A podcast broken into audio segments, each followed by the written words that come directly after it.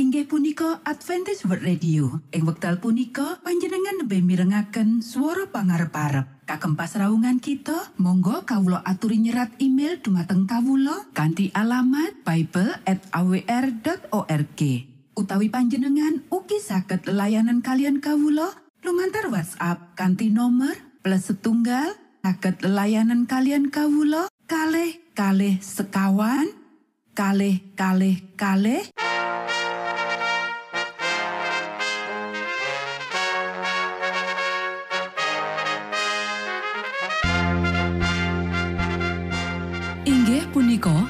Adventist World Radio ingkang giaran kanti basa Jawi. Tentrem Rahayu kula aturaken kagem para mitra kinasih ing pundi papan lan panggonan. Sugeng pepanggian malih kalian Adventist World Radio. Kanti bingahing manah Kulo badhe sesarengan kalian para mitra kinasih lumantar saperangan adicara ingkang sampun rinonci mligi kagem panjenengan sami. Mugi giaran punika saged migunani tuwin dados berkah kagem kita sedaya.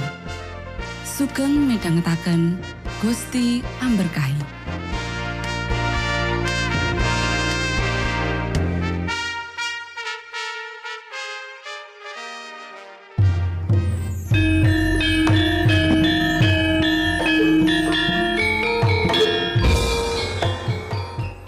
Para pamirsa kinasih ing Gusti Yesus Kristus.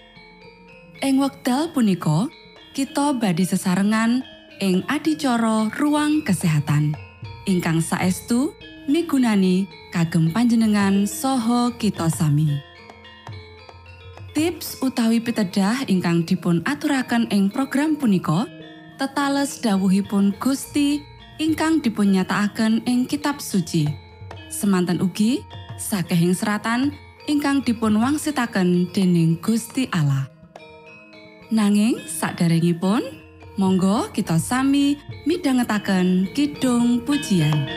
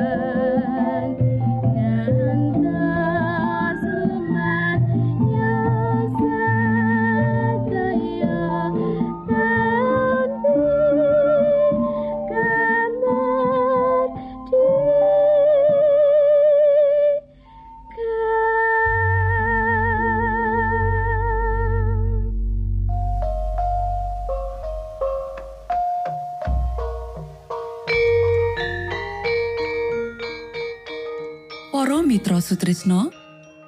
Puji syukur dumateng Gusti ingkang murbeng dumati ingkang sampun kepareng paring wewenngan kagem kita. Satemah saged nglajengaken ruang kesehatan. Pirembakan kita semangke kanthi irah-irahan.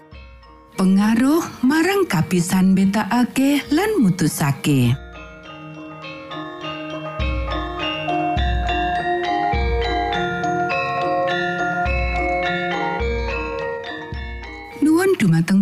Para pamiarsa ingkang dahat kinurmatan.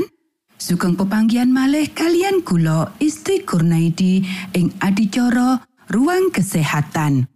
Ing dinten punika kanthi irah-irahan pengaruh marang kapisan beta ake lan mutusake.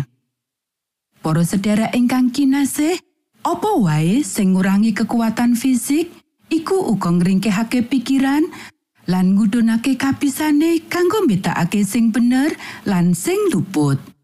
Kita dadi kurang bisa milih sing becik lan kekuatan kekarepan mudhun kanggo nglakokake apa sing kita ngerti bener. Panyalahgunaan kuasa badan bakal nyendakake umur, kamangka urip kita bisa digunakake kanggo kaluhuraning Gusti Allah. Kita uga ora pantes nglakokake pakaryaning Gusti. Para sederek, wong-wong sing wis nampa pepadang ngenani kaprasajan panganan lan sandangan, sakjroning penurutan angger-angger fisik lan moral sing isih nyimpang saka pepadang sing nuduhake tugase bakal ngendani tugas sakjroning babab liya. Kanthi nolak salib sing dheweke kudu pikul supaya selaras karo angger-angger alam, dheweke ngedolake ati nurani. Dheweke bakal nglanggar 10 angger-angger kanggo ngendani cacatan. Sing liya ora klemikul salib, banjur ngina beban sing ngisi-nisinake iku. Wong-wong sing nekakake lelara menyang dhuwure dhewe lan rumangsa marem karo iku tamtu nduweni badan lan pikiran sing ora sehat. Dheweke ora bisa nimbang bukti-bukti kabeneran utawa memahami tuntutaning Gusti Allah. Juru wilujeng kita ora bakal ngulungake astane cukup cendek kanggo ngangkat wong kaya iku saka kahanan sing merosot sawetara dheweke tetep mbudidaya ngimlesake diri luwih jero. Para sederek, kabeh wong dituntut kanggo nindakake apa sing dheweke bisa lakokake sakjroning ngopeni kesehatan badan lan kecerdasan otak. Menawa dheweke marem karo selera reget, lan kanthi mengkono ngetolake kepekaane lan ngudhunake daya pikir. Nganti dheweke ora bisa ngajeni tabiating Gusti Allah sing dhuwurake utawa kasenengan nyinaoni sabdanipun. Mula dheweke bakal rumangsa pasti menawa Gusti Allah ora nampa pisungsunge sing ora pantes kaya bab pisungsune kain. Gusti Allah nuntut dheweke supaya ngresiki diri saka kabeh rereget badan lan pikiran nyempurnakake kasucen sakjroning wetiase marang Gusti. Sakwise manungsa nindakake sakabehe kanthi kuwasa kanggo mulihake kesehatan, dening nyingkur selera lan nepsu reget, supaya dheweke nduweni pikiran sehat lan angen-angen ati sing disucikake, supaya dheweke misungsungake marang Gusti Allah sawijining pisungsung sakjroning kabeneran. Mula dheweke dislametake dening sawijining mujizat kamirahaning Gusti kaya prau ing sandure banyu sing ngombak. Nuh wis nindakake kabeh sing dituntut Gusti Allah saka dheweke sakjroning gawe prau sing tangguh. Sapanjure Gusti Allah nindakake sing ora bisa dilakoni menungso lan ngayomi prau iku kanthi kuasane sing ajaib.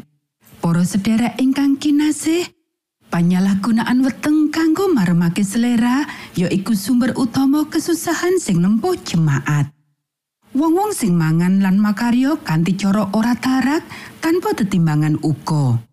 Wong sing ora tarak ora bisa dadi wong sing sabar. Ora tarak dudu tegese ngombe-omben-omben alkohol. Dosa amarga mangan ora tarak, mangan kekerepen, kakean, mangan panganan mewah sing ora sehat, kabeh ngrusak fungsi alat pencernaan, ganggu pikiran, ngrusak tetimbangan, ganjil pamikiran sing sehat, sing gunakake tetimbangan lan tindakan sing tenang. Mula iki sumber kasusahan sing nempo jemaat. Amarga iku supaya umat ing Gusti Allah ana sakjroning kahanan sing padha kaya panjenengane ing ngendi dheweke bisa ngluhurake panjenengane kanthi badan lan jiwa sing sakbenere ya iku kagungane dheweke kudu kanthi senenge ati lan sregep nyingkur kemaremane selera lan tarak sakjroning kabeh bab sabanjure dheweke bisa memahami kabeneran sakjroning kaendahan lan kejelasane. Dheweke nggawa iku sakjroning panguripane kanthi tujuan sing lurus, wicaksana lan klebu akal.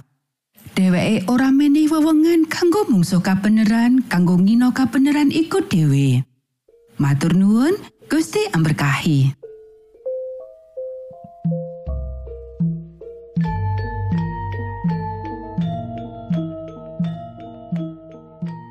Cekap semanten pimbakan ruang kesehatan ing episode dinten punika. Ugi sampun kuatos jalaran kita badhe pinanggih malih ing episode sak lajengipun.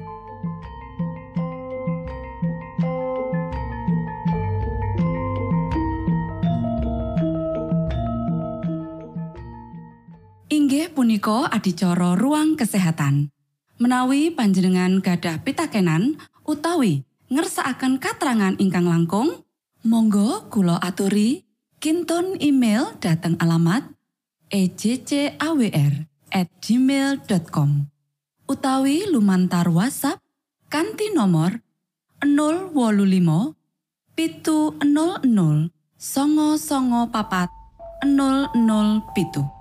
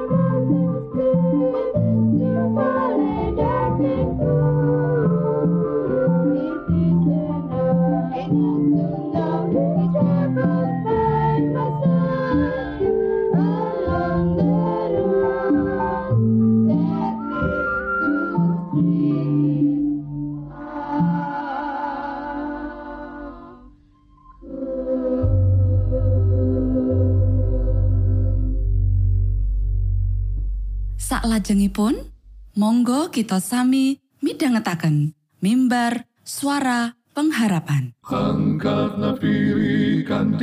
pawarto Sang Kristus paderamu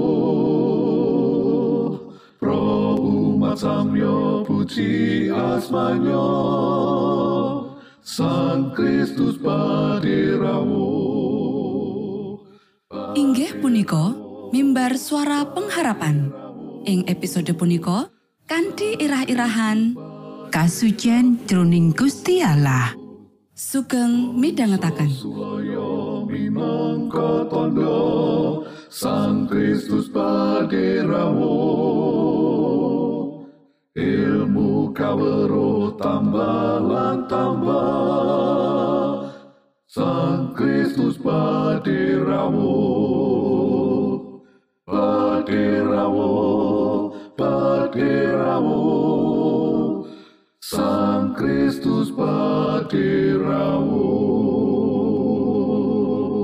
Shalom para pamirsa ingkang kinasih wonten ing Gusti. Sakmenika kita badhe mitangetaken renungan Sabtu pangantikanipun Gusti. Ing dinten punika kanthi irah-irahan kasucen jroning Gusti Allah. Para sedherek ingkang kinasih, dawuh pangantikani Gusti ing kitab Yohanan pasal 6 ayat swita yaiku Para siswa bareng krungu kang mangkono mau, akeh kang padha ngucap mangkene. Tetembungan iki keras temenan. Kang betah ngrungokake bae sapa?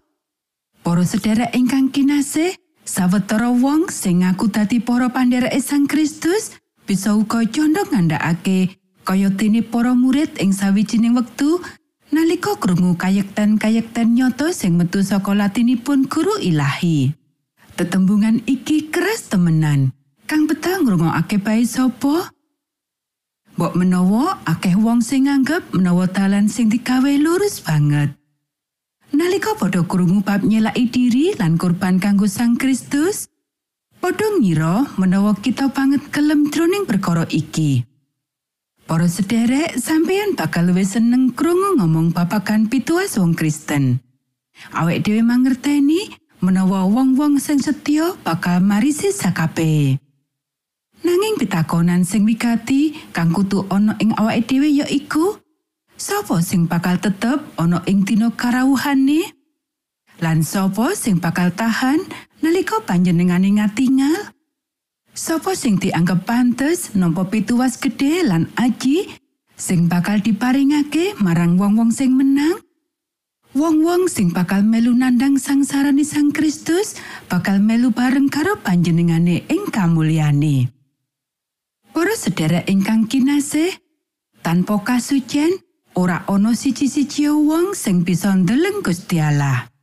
Tanpa kaburusan urip, kita ora dipantesake lan disiapake kanggo manggon karo para malaikat suci lan tanpa dosa ing swarga kang suci lan murni. Ora oleh ana dosa ing kono.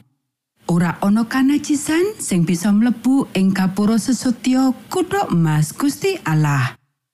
Lan pitakonan sing kudu kita wangsuli ya iku apa kita bakal nyingkiri kabeh dosa lan ngetutake kabeh syarat sing diparingake dening Gusti Allah supaya kita bisa dadi putra lan putrinipun?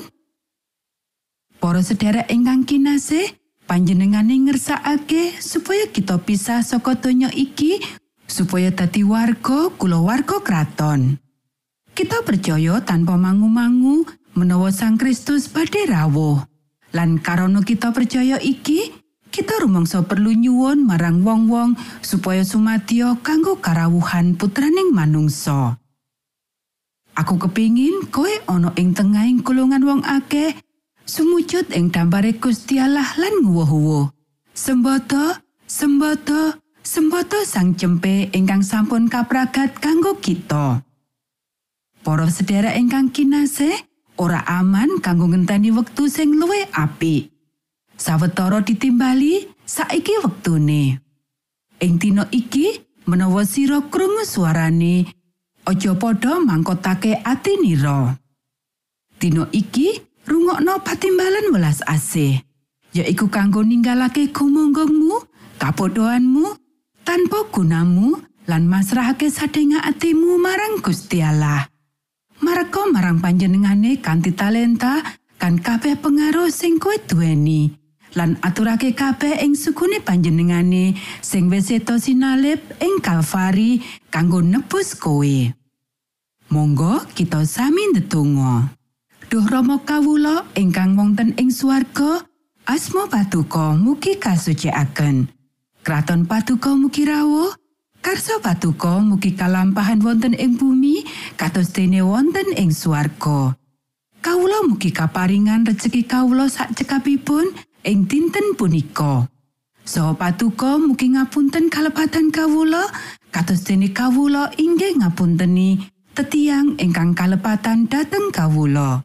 Punapa dene kawula mugi sampun ngantos katantukaken dhateng ing panggoda nanging mugi sami patuko uwalaken saking piawon. Awit dene patuko ingkang kagungan kraton saha wisesa tuen kamulyan salami laminipun. Amin.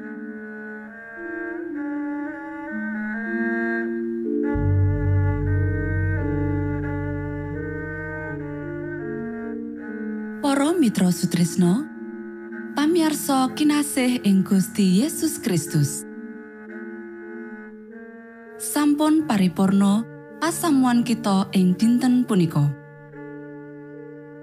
Menawi panjenengan gadah pitakenan utawi ngersakaken seri pelajaran Alkitab suara nubuatan Monggo Kulo aturi kinton email dateng alamat ejcawr gmail.com utawi lumantar WhatsApp kanti nomor 025 pitu 00 songo songo papat 00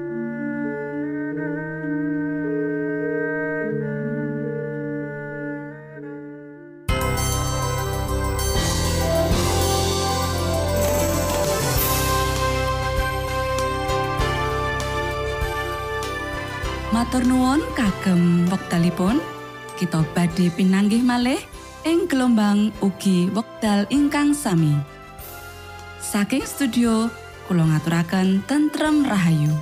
Gusti amberkahi kita sedaya. Maranata.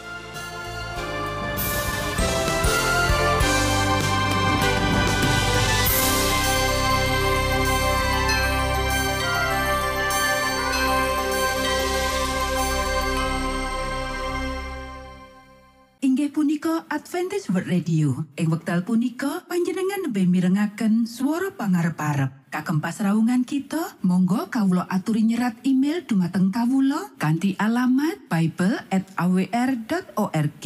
Utawi panjenengan ugi saged layanan kalian kawula lumantar WhatsApp kanthi nomor plus setunggal saged layanan kalian kawula kalih kalih sekawan kalih kalih kalih